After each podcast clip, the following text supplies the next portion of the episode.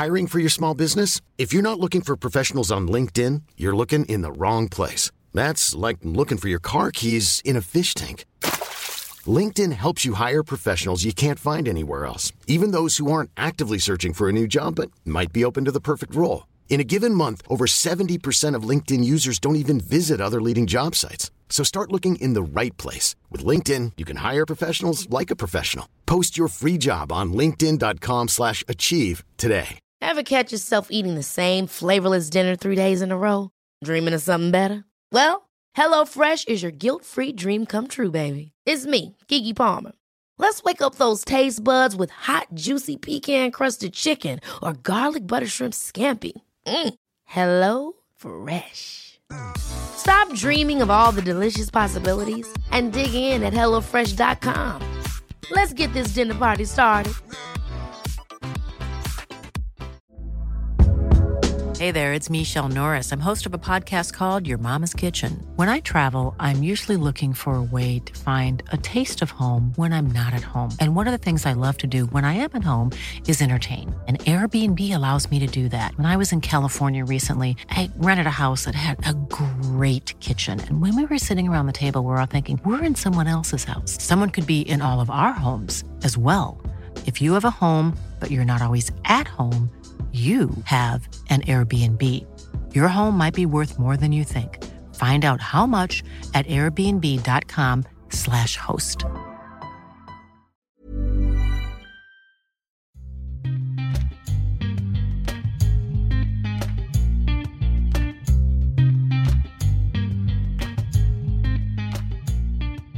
Och där var vi igång med det 22 avsnittet på den här säsongens Duo SSL. Som vanligt är jag Samuel med och Gurrad, du är med från Göteborg. Hur står det till? Det är bra idag faktiskt. Eh, det är lite senare än vad vi brukar köra på måndagarna, men eh, det är faktiskt helt OK. Hur mår du uppe i kalla, mörka Umeå? Det är inte så kallt. Eh, minus 11 har det varit idag. Lite kallare på morgonen brukar det vara än vad det är på kvällen. Men minus 11 kan man ju stå ut med, absolut. Det, det, något annat borde man inte förvänta sig när vi pratar december. Men jag kan meddela att jag har tagit på mig täckbyxorna och myser runt i dem under dagarna. Det är trevligt. Ja, vad fint. Har du vidtagit några sådana åtgärder där nere? Ja, det har jag faktiskt. Eh, framförallt de men eh, lite underställ eh, har smugit sig in då och då också. Det är inte helt fel. Eh, det, enligt SMHIs beräkningar så är det ju faktiskt ungefär hälften så kallt ungefär som eh, ni har det tror jag. Men eh, jag tror att de säger så här att det uppfattas, den här eh, siffran uppfattas som eh, mycket kallare än vad, ja, än vad det egentligen är. Då. Eh, och sen om det har att göra med kustläget och sådär, havsvindarna vet jag inte, troligtvis det är väl en del av förklaringen. Men eh, det känns ganska kallt faktiskt. Eh, fast det står kanske bara 6-7 grader på termometern. Men det, det, känslan är väl att det är ungefär norr om 10-11 grader i alla fall. Ja, men det är respektabelt faktiskt. Det är respektabelt och det är skillnad mot när man var i Kalmar och pluggade där. Då kändes det som att det var sommar nästan året om istället. Det, var ju, eh, det fanns ju ingen snö att tala om eh, till skillnad från nu. Eh, och det var ju för att det var ganska varmt. Det var nästan tropisk värme. Det var lite, lite jobbigt nästan att det aldrig riktigt blev så kallt. Utan, ja, man gick runt i höstkläder nästan året om. Ett Kalmar som du annars har varma minnen av eller? Jo, men verkligen. Eh, jag fick också kontakt här precis idag, tror jag det var, med en gammal polare från, det visade sig att vi är kollegor ganska långt håll nu eh, i och med att jag precis har bytt jobb. Så, här, så att eh, det var glädjande. Ja, precis. Du har ju bytt jobb också. Vad, vad innebär det? Ja, det innebär att jag får sitta och pendla till Borås nu då, eh, måndag till fredag. Och det blir lite längre dagar. Får sitta på den här fina 100-bussen som den kallas. Eh, busslinje 100 mellan Göteborg och Borås. En väldigt trafikerad sträcka. Så det blir tidigare morgnar och lite längre kvällar. Och det är väl därför vi sitter just i den här tidpunkten som vi gör. För att vi kommer inte, vi har ju spelat in lite tidigare på kvällarna, men det kommer bli svårt. Eh, ganska omöjligt faktiskt, i och med att du tränar ju. För du har ju en, en egen innebandykarriär. Så ja. Det är så här det kommer se ut framöver helt enkelt. Helt enkelt. Lite tröttare du SSL, men. Eh, ja. Nej, bättre innehåll kanske. Ja, eftersom att vi är lite tröttare så blir det lite kortare. Lite spetsigare kanske. Spetsigt kommer det bli det här avsnittet. Vi har ju ett VM som, VM som ska avhandlas, men eh, innan det så tänkte jag att vi ska gå igenom nyhetshändelserna i SSL.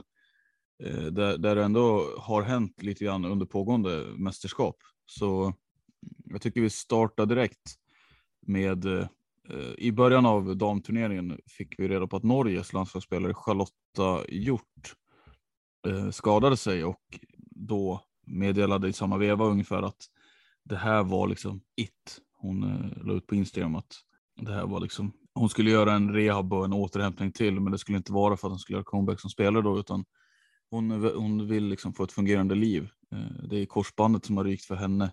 Hon spelar ju till vardags eh, i Nacka eh, och antar jag har väl dubbla medborgarskap, men ja, det, det är alltså slutet på hennes SSL-karriär.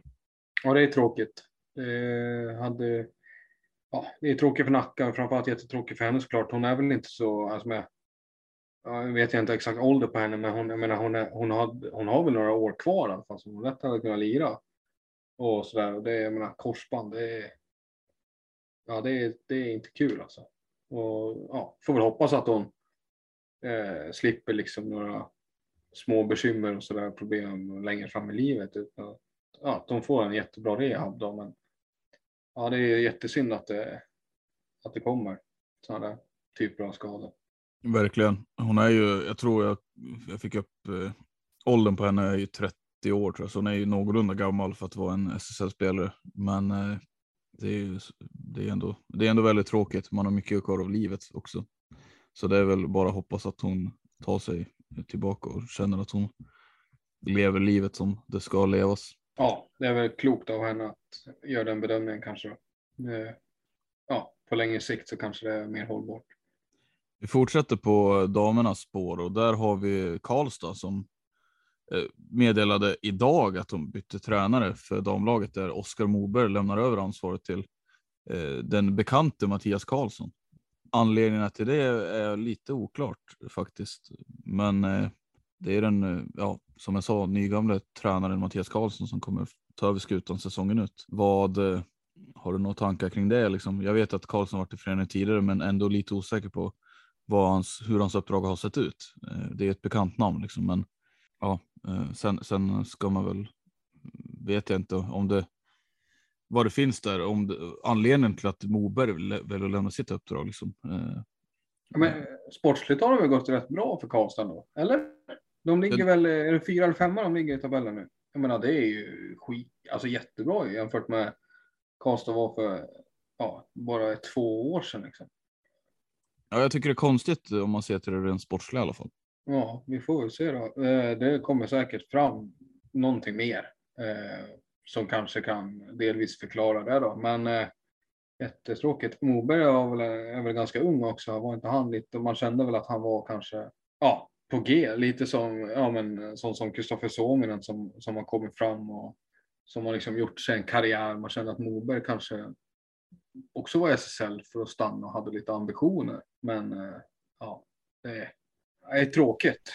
Det är inte första gången det sker rotationer så här mitt i säsongen för eh, ja, bland klubbar och så där. Men eh, ja, det är väl inte så mycket mer att säga om det då, om det inte finns några mer uppgifter som vi kan avhandla. Nej, precis. Vi får väl se då vad, vad det ger för effekt till laget som ändå, som vi har sagt, har inlett, inlett väldigt starkt och se ut att liksom vara ett slutbeslag. Ehm, jag hoppas att det fortsätter så. Ehm, kanske en fördel att spelarna känner till Karlsson som tidigare. Men eh, ja. Ja, men vad har du på hand då? Eh, för det är kanske inte alla som känner till honom. Liksom. Vad är han Karlstad eller var kommer han ifrån? Jag vet inte var han kommer ifrån. Jag vet bara att han har varit i föreningen tidigare. Det var ju inte så många år sedan han stod i båset för dem heller tror jag. Men, alltså, vi snackar ju bara enstaka säsonger sedan. Så, men det är ju typ allt jag vet också. Det, är, det verkar, vara en, verkar ändå vara en ganska, alltså en, en bra tränare liksom. Så det, det är väl ändå en vettig person att få in i båset som ersättare. Sen vet jag, sen tror jag inte, o, väldigt osäker på om det kommer vara en permanent lösning. Men ja, i och med att han bor i stan då, så är det väl en jättesmidig lösning för Karlstad att göra så här mitt i säsongen. Vi ska ta oss till herrarna också, där framförallt ett lag och en förening har stått i fokus under den gångna veckan och det är Sirius. Dels har man eh, fått tillbaka Oskar Domberg sedan tidigare, det vet vi ju, i spel. Patrik Rocka meddelade ju att han inte skulle representera Sirius den här säsongen och att han skulle göra klart med en ny klubb. Det vet jag inte. Jag kan inte minnas att vi sa det i något avsnitt, men jag noterade det tidigare i alla fall under veckan att, det, att han hade sagt det. Nu är den här klubben klar också, som han kommer representera. Det är inte en SSL-klubb, utan det är Hudik Björkberg IBK i den norra allsvenskan han väljer att eh, gå till. Vad är dina tankar kring det? Ja, inte så förvånande egentligen. Eh, kopplingen till Hudik är ju ganska självklar med tanke på hans eh, sambo Elsa Frisk och att hon är fostrad där i unga år och kommer från Hudik. Ja, jag vet inte vad ska jag säga. Är han svågern, eh, svågen till rockare spelar väl också, har i alla fall spelat i A-laget. Jag tror han är kvar där. Och de känner varandra väldigt bra såklart och om jag förstår saken rätt så har väl han haft en stor del i att Rocka har valt Hudik ändå. För eh, jag vet inte om vi ska gå in på det direkt, men, men alltså det som är lite anmärkningsvärt tycker jag är att civilt så ska det inte ske någon förändring för Rocka att han flyttar till Hudik. För det anledningen till att eh, han och Elsa Frisk flyttade till Uppsala och eh, bytte förening. De ville ju ha det här, eh, bo tillsammans och ha ett liv ihop och sådär och ville inte sära på sig. Eh, och sådär. Och han kommer ju bo kvar i Uppsala, men pendla liksom till Hudik. Eh, så att, ja, jag vet inte vad man kan säga om det då, men eh, det är en ganska lång sträcka, Uppsala till Hudiksvall. Eh, det är i och för sig bara E4 rakt på liksom, men. Eh, men du har ju liksom, ja, det är x antal mil upp till Gävle och därifrån är det ju också en ganska besked, ja. alltså en. Gävle är väl halva sträckan. Sträcka. Typ. Ja, det är väl ungefär halva sträckan. Eh, jag vet inte hur många mil det är. Men, men vad, vad, vad, tar det? Tar det en timme till Gävle ungefär, tror jag, från Uppsala? Eh, lite mer än en timme. Och sen har du liksom, ja det är typ en och en halv till Hudik tror jag därifrån. Så det är ju, ja det är lätt två och en halv timme tror jag, enkel resa, bil. Ja. Så det är, då ska han sitta och ska han träna en kväll, ja då går fem timmar åt liksom. Jag ska, kolla, jag, ska kolla, jag ska kolla hur de har tänkt. Jag har inte, jag har inte sett allting. De la ut någon ett lite längre reportage med dem när de presenterade dem. Jag har inte kollat det. Eh, det kan jag göra. Vore intressant att se om de nämner någonting där, liksom, eh, hur de har tänkt. För sen är det, ska man väl klart för sig att det är sponsorer till föreningen har gått in liksom och löst det här så att det ska funka. Så att, eh, ja, för en spelare som Rocka är väl inte gratis? Va? Nej, det tror jag absolut inte. Och sen ska han väl kunna ta sig den här sträckan på något sätt. Så där har väl folk, de här företagen klivit in då och hjälpt, hjälpt HB att säkra det, för annars hade det inte gått. Så ja, kul för HB. Absolut kul för Rock att han kommer fortsätta spela inbandy. Eh, kan jag tycka.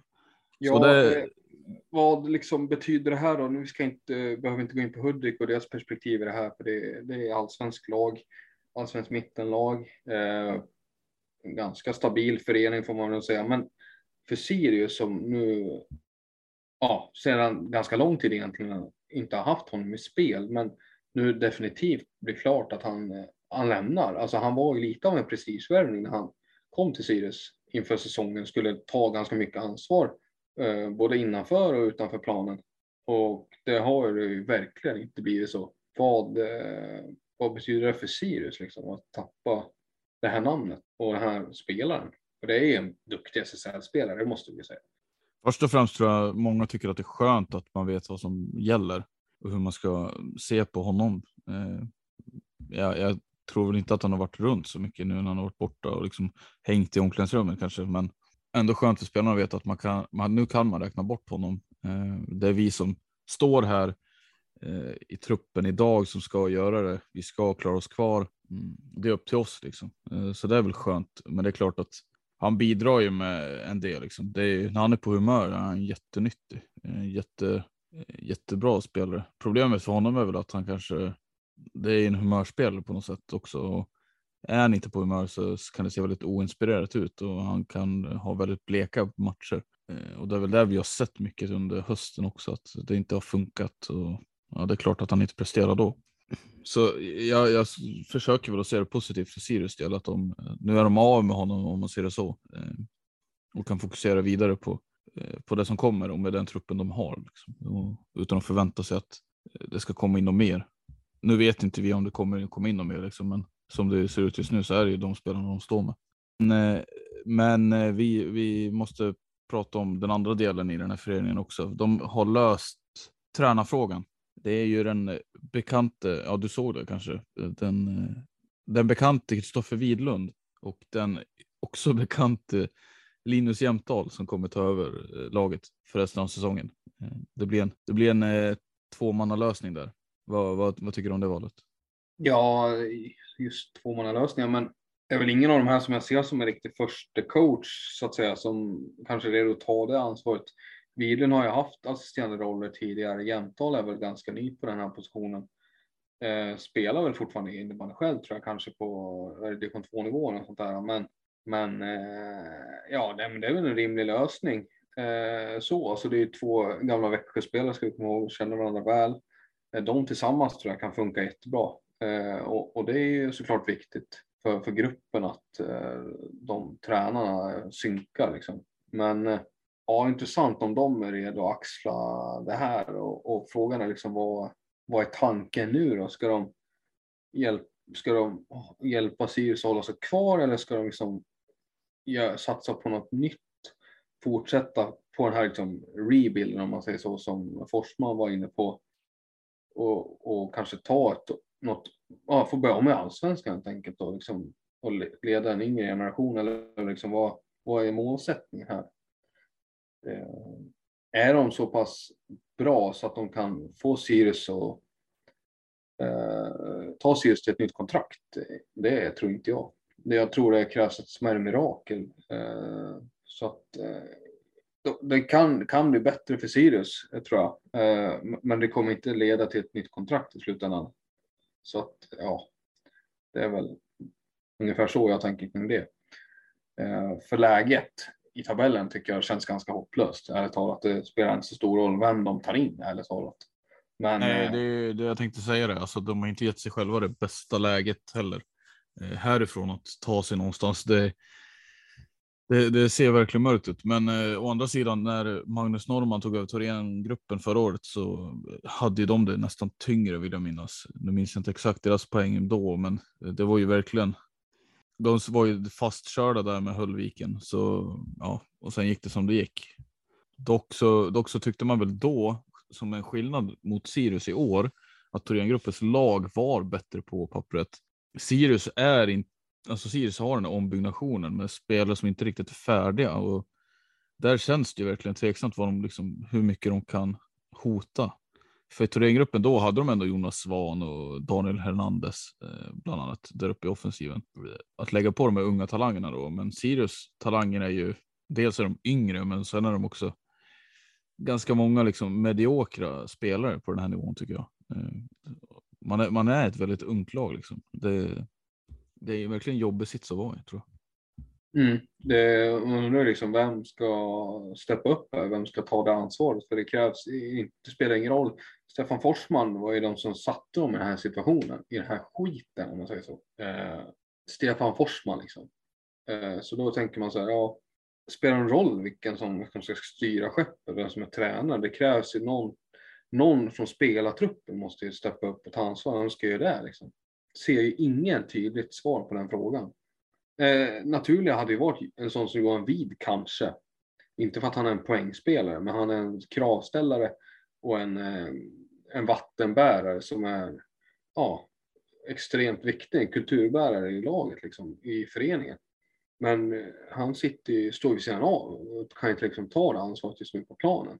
Så Ja. Sen tror inte jag att det kommer på att det är sån stor skillnad på hans roll hur den ser ut vid sidan av eller på planen. Alltså, han, jag tror han kommer kunna göra, bidra med väldigt mycket vid sidan av också. Där tror jag inte att det är något problem liksom, med leverans från hans sida. Frågan är ju bara om det, ja, om det räcker. Liksom. Du säger det, alltså, de, det spelar inte så stor roll vem de tar in känns det nästan som med tanke på situationen de befinner sig i. Det är en jätteutmaning för vem som än tar sig an den. Så. Men, men alltså, jag, jag tycker att vi, vi kan väl önska dem lycka till och hoppas att det går bättre helt enkelt. Det är ju trots allt Sirius är en förening man gärna ser i SSL. Ja, alltså det vet jag inte alltså heller riktigt om jag ska vara ärlig. Det är, jag tycker det är ganska... Nej, men alltså det är ju inte... På, på juniornivå är de ju en av de ledande föreningarna vi har i Sverige och har haft väldigt länge. Men, men på seniornivå så är de ju fruktansvärt trista alltså. De är ju riktigt gråa. Det är som Linköping i hockey, i, i SHL. Alltså, det, det finns ju ingen glamour, det finns ju inget finns ju ingenting kul med Sirius, tyvärr. Eh, och sådär. Eh, och deras enda hopp nu som jag ser det, är att de ska ta fler trepoängare än vad Hagunda gör och där finns det en liten chans till, eh, tror jag. Men eh, ja, vem ska kliva fram då? och vem ska göra det? Så det Patrik Rocka var ju en lite, där hade de ju lite show-potential eh, då, men eh, nu är det väl bara Fredrik Edholm kanske som har det i sig. Och, ja. Nej, jag, jag vet inte om jag blir jätteledsen om Sirius åker ur på det sättet. För de, ja, de färgar ju inte SSL direkt. Nej, men potentialen att göra det på sikt finns ju tror jag. Eh, så det, eh, sen, sen är frågan om ett eller två år i allsvenskan vore sämre för de killarna de har i truppen och deras utveckling framåt. Men kontra, kontra att spela i SSL och liksom tillhöra bottenskiktet. Men ja, det är väl, det är väl bara tråkigt när en anrik förening ändå ska åka ner tycker jag. Men de har ju varit där förut, det var inte så länge sedan de hade Peter Berlin i allsvenskan också. Så ja, det, inte för att någon spelare i dag, laget idag var med då, men eh, Sirius har ju varit på senare år lite av ett jojo-lag. Men nu tycker man ändå att de har det här fina på gång, så då, då kan de ju. Det vore jättetråkigt om de liksom skulle åka ur på grund av att man väljer att göra en sån här satsning. Eh, men eh, ja, vi stänger dörren där för Sirius för den här gången och eh, tror jag nästan rör, rör oss vidare till huvudämnet för den här, det här avsnittet och det är ju trots att vi är en SSL-podd så är det VM som pågår. Eh, VM som i talande stund har avslutats för damerna och mitt inne i herrarnas spel. Hur mycket, har, hur mycket har du sett? Och framförallt ska vi väl ändå ta, tala om elefanten i rummet. Eh, Sveriges eh, världsmästare. Ja, välförtjänt tycker jag. Eh, fantastisk eh, match. Jag tycker jag har sett eh, nästan alla matcher damerna har spelat. Eh, missade ju tyvärr semifinalen. Det var ju lite tråkigt. Beror på hur man ser på det. Eh, resultatmässigt blev det ju eh, stora siffror, men jag tycker man är, man är det bästa laget genom turneringen. Man har fullst, jag struntade i eh, ja, snacket om Finland i gruppspelsmatchen de hade där. De körde ju över fullständigt. De visade ju att eh, det här är ju så man ska uppträda på plan. Eh, jag tycker de krossar dem och det var fruktansvärt kul att se att man satte ner foten.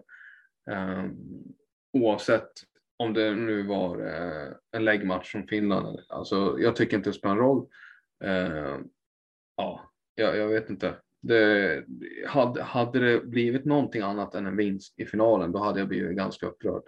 För jag tycker att eh, den kapaciteten och den högsta nivån som Sverige visade upp var liksom, ja, det finns inget annat lag som kan matcha. Sett på tre femmor finns det inget lag eh, som har liksom den uppställningen och den liksom, de har tre första femmor i laget. Skulle kunna alltså med tanke på de reserver och, och sådana som vi har på sidan av som inte fick följa med och kanske spela så hade vi kunnat haft det, alltså det finns ingen annan nation i hela världen som kan visa upp de spelarna och de uppställningarna liksom. Och jag tycker man får ut ganska nära hundra av det här materialet man har också, nyttjar de flesta spelarnas eh, styrkor och eh, Nej, det var, jag tyckte att det blev onödigt spännande i finalen faktiskt. Jag tycker att man gav Finland lite för många chanser att komma in i, i matchen. Jag tycker inte, jag tycker man skulle ha dödat finalen tidigare. Det var inte, jag tycker inte Finland var värda den sadden eh, som de fick. Det var, jag tycker, det var inte så nära. Det var individuellt slarv som gav dem chansen. Lite nervö nervositet som gav Vera Kauppi chansen att till en, till en förlängning, men jag tycker inte Finland hade där att göra på riktigt alltså. Det var, Sverige var, var numret för stort. Ja, alltså det, det är sjukt att eh, ja, det, det borde kanske inte ha blivit så spännande som det blev till slut ändå. Men eh, eh verkligen, eh, man märker att eh, Sverige är ju bättre som du säger på alla. Alltså över hela laget är de ju bättre. Eh, även om Finland har den här spetsen som Sverige kanske inte inte riktigt har så är det ju ett så mycket bättre lag. Alltså, vi kan ju plocka ut tre landslag och kommer ju vara superkonkurrenskraftiga i det här mästerskapet, även mot Schweiz, Tjeckien och Finland. Så det märks ju att det, det här var mästerskapet när det bredaste laget vann. Eh, jag tycker väl att eh, en positiv grej jag tog med mig var att se en sån som Maja Wiström tar för sig. Eh, också liksom stå för den här assisten till det avgörande målet eh, är ju helt otroligt. En riktig, en riktig komet. Men så är hon ju också, ja, hon har ju också gjort x antal säsonger redan i SSL så eh, man ska inte, man ska inte väga in hennes ålder för mycket kanske.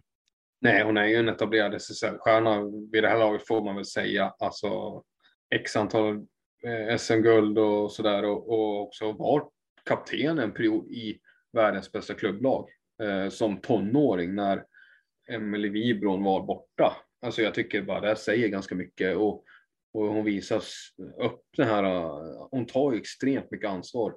Och det var någon som beskrev det också att hon är ju dynamon i sin femma. Hon leder ju sin femma faktiskt eh, och tar extremt mycket ansvar, spelar med så otroligt mycket energi eh, och är nog den jobbigaste spelaren att möta tror jag. Eh, fantastisk pressspelare, vinner boll, sätter upp bra lägen, eh, är framför kassen, är jobbig att möta, slår in returer. Alltså, ja, jag tycker hon är extremt bra, nästintill komplett som 20-åring. Eh, spelade U19-VM. Eh, kan man i och för sig diskutera om hon kanske, ja, alltså var hon inte för bra för det? Jag vet inte. Men hon kliver in här liksom yngst i laget och gör som hon gör. Det, det är otroligt imponerande. Och SVT hade väl någon eh, så här under finalen så utsåg de väl Sveriges bästa spelare under turneringen så här långt. Jag kommer inte ihåg om det var Moat eller det var någon mer som nämndes eh, där.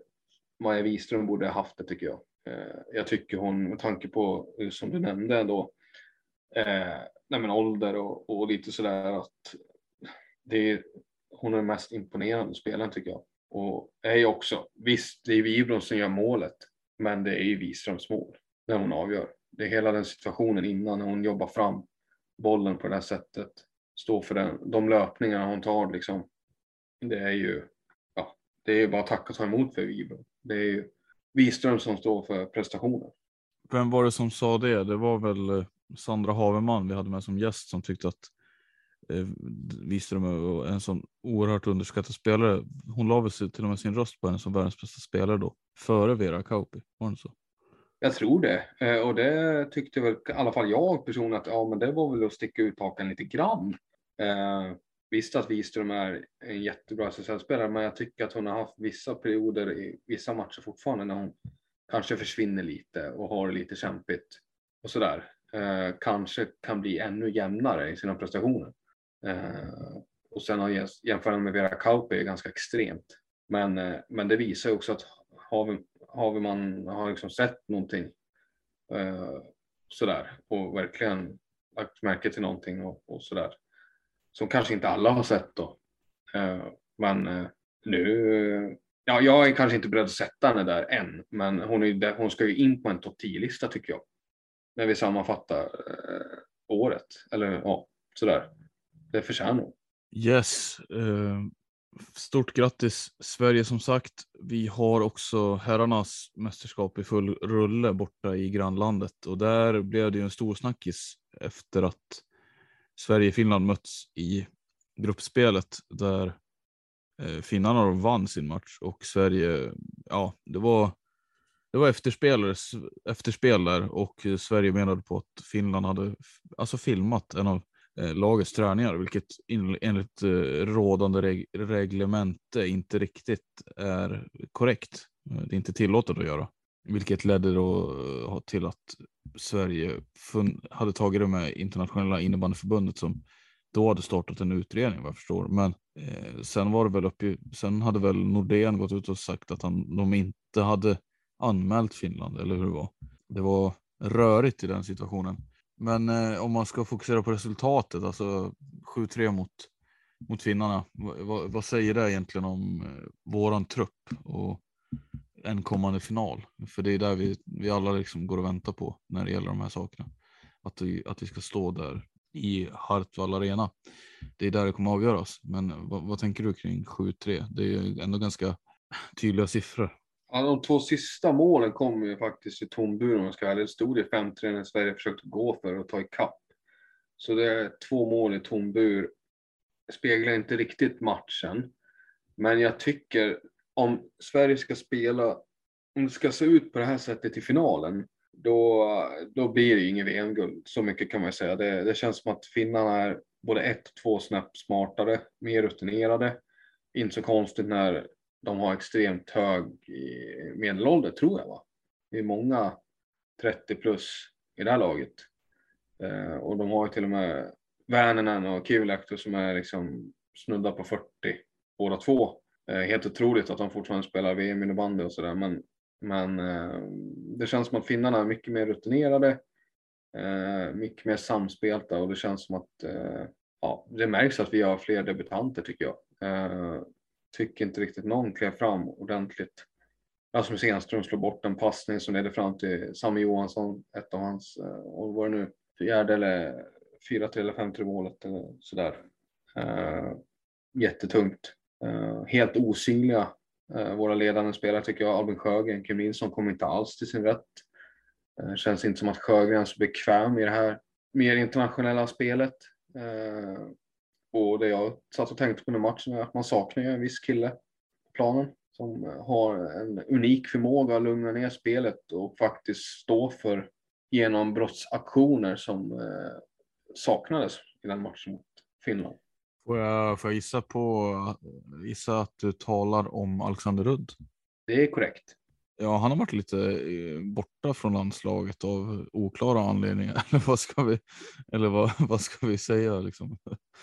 Nej, men oklar, ja. Ja, nej, men det är väl ingen hemlighet bland de som följer nyheterna och, inom innebandy Sverige och liksom varför han är borta och så där. Varför han helt plötsligt har valt att lämna världens bästa klubblag och åka till Schweiz i någon obskyr halvbra klubb. Jättedålig koll på Astra-Sarnen, men eh, det, de är inga Champions Cup-vinnare liksom.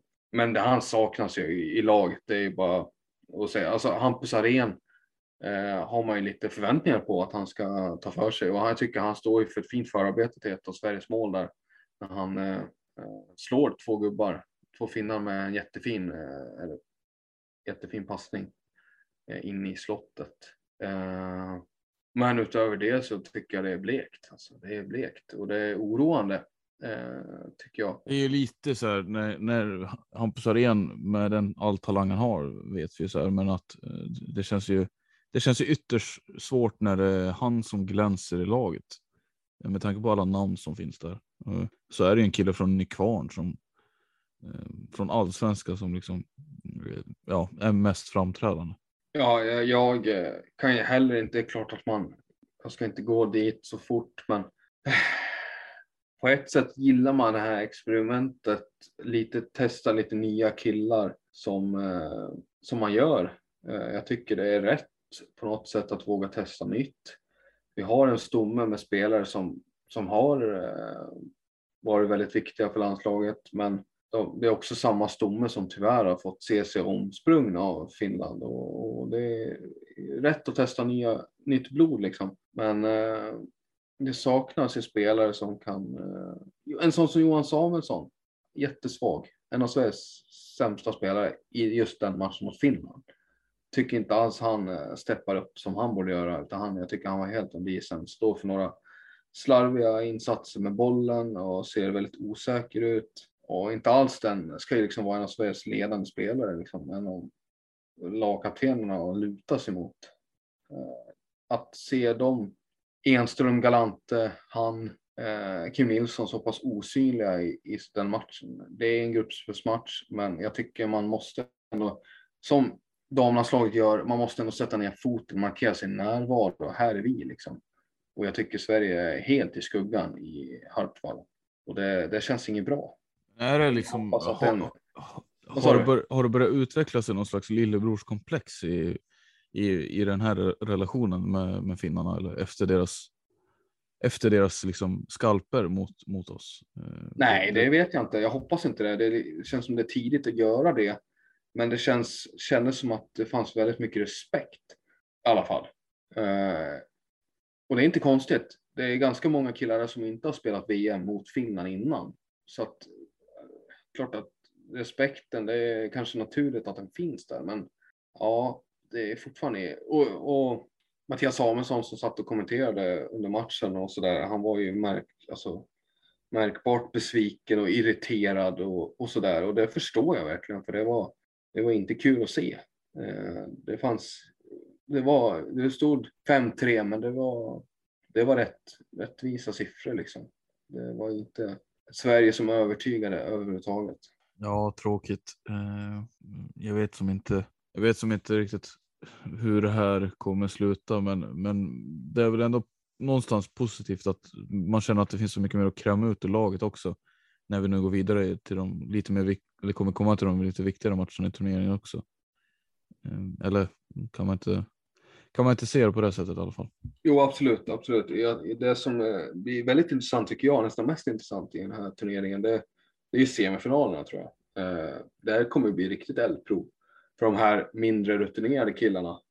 Ramirez, Jonsson, eh, Backby, Ludvig Persson, Arendal såklart. Omar Aldib, alltså hur ska de, när de ställs mot ett Tjeckien eller Schweiz, vilket det såklart kommer bli, Eh, hur reagerar de då i den typen av matcher? För det är heller, in, jag skulle säga, är det en sån insats vi såg mot Finland så är, finns det ingen given seger där att hämta överhuvudtaget. Så jag skulle inte säga, det kommer bli jättetajt tror jag i den semifinalen och, och det kommer bli väldigt spännande att se hur vi axlar den matchen. Eh, det är helt klart i alla fall att eh, herrarna har ju sedan länge förlorat det försprång som damerna fortsatt håller fast vid. Eh, det kommer inte bli 14-1, så kommer jag säga. Schweiz har ju en Manuel Maurer och en Jan Saug som har gått heta också. Det ska vi komma ihåg. De killarna kommer bli intressant att följa länge, alltså följa i de här, den här semifinalen och eventuellt i finalen. Kommer, de spelar ju nyckelfigurer för det landslaget. Med det sagt så vet jag inte om vi har något mer att säga om, om eh, ja, landslaget och VM sådär. Eh, extremt glad och stolt över vårt VM-guld som vi tog här i, under gårdagen. Och fantastiskt att få vara med om det. Eh, och jag hoppas att det blir någonting liknande, att vi får i alla fall en möjlighet att vi får se en final till. Hoppas jag verkligen. Men det är långt ifrån lika givet. Vilket är spännande såklart på ett sätt. Det är såklart, det måste man ju tycka om man gillar bra innebandy. Men eh, ja, den känslan som eh, fanns kring damerna, den, den finns ju inte riktigt alls känner jag kring herrarna. För det är ju bara en max två matcher som betyder någonting på riktigt och, och där vill man ju se en maxprestation. Och det, det gav damerna så det var otroligt att se. Men eh, det har inte herrarna gett oss riktigt. Nej, och det är där man, det är därför de samlas flera gånger om året också för att liksom man vet ju att till syvende och sist så är det ju de, de här matcherna som är de viktigaste. Eh, man förväntas prestera egentligen bara i ett par enstaka matcher och då gäller det såklart att komma så väl förberedd som möjligt så att man toppar formen lagom till de här matcherna också. Eh, så man har, så man är där på plats och stämplar in. Annars så eh, kan man ju lika gärna skita i det. Då undrar man ju varför. Varför man lägger sån tid på det under resten av åren och eh, ja, men med, med EFT och samlingar hit och dit. Liksom. Det, det, är klart att det kan ju också bli en press för spelarna att veta att det är det här de har taggat till för. Eller har lagt, det är det här de har filat på för.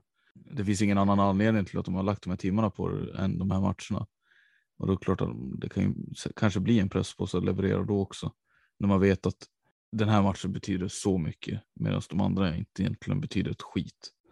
Eh, man har ju allt att förlora på en, att gå in i en VM-turnering.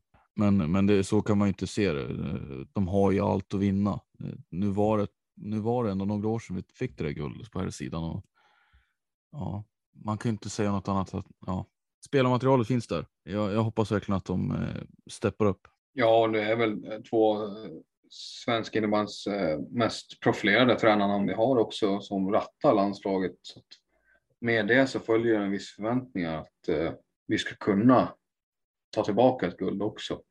När det är Niklas Nordén och demontränare Thomas Brottman som står där. Så det minskar inte de förväntningarna heller, eller kravbilden vi har. Och särskilt inte när båda går runt och utåt sett ganska gott självförtroende eller eh, ja, tror, tror väldigt mycket och ja, eh, känns ganska eh, optimistiska kring det här så är det klart att då ökar också optimismen bland vi som tittar. Och, mm, vi får då, se. Då vill, man, ju, då vill man ju se prestationer som svarar upp mot det också såklart. Ja, och då tyvärr så är det ju bara ett, en seger i en final mot eh, Finland som räknas. Alltså allt annat är ju underkänt, tyvärr. Det finns inget som är godkänt. Inget annat som, kan, som de kan komma undan med. Eh, allt annat är ett misslyckande, tyvärr. Så det är ju det är i den världen vi lever i. Med de orden så tror jag att vi säger hej då för den här gången. Eh, det har varit det 22 avsnittet av Duo SSL. Nästa vecka så kommer vi ha svaret på hur det gick för Sverige och vi kommer säkerligen ha mer SSL händelser att prata om också. Men till dess så får ni se till att titta på matcherna och stötta den, eh, de blågula så gott det går. Eh, så, så hörs vi snart igen. Ha det gott.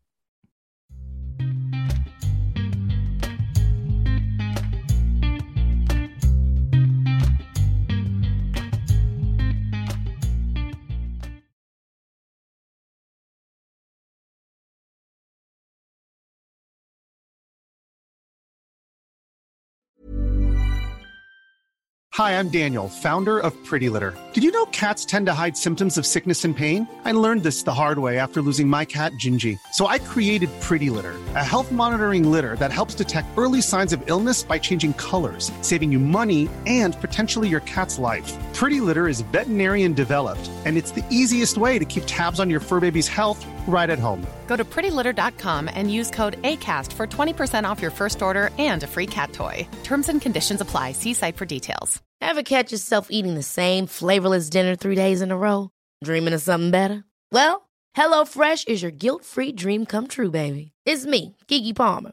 Let's wake up those taste buds with hot, juicy pecan crusted chicken or garlic butter shrimp scampi. Mm. Hello Fresh. Stop dreaming of all the delicious possibilities and dig in at HelloFresh.com. Let's get this dinner party started.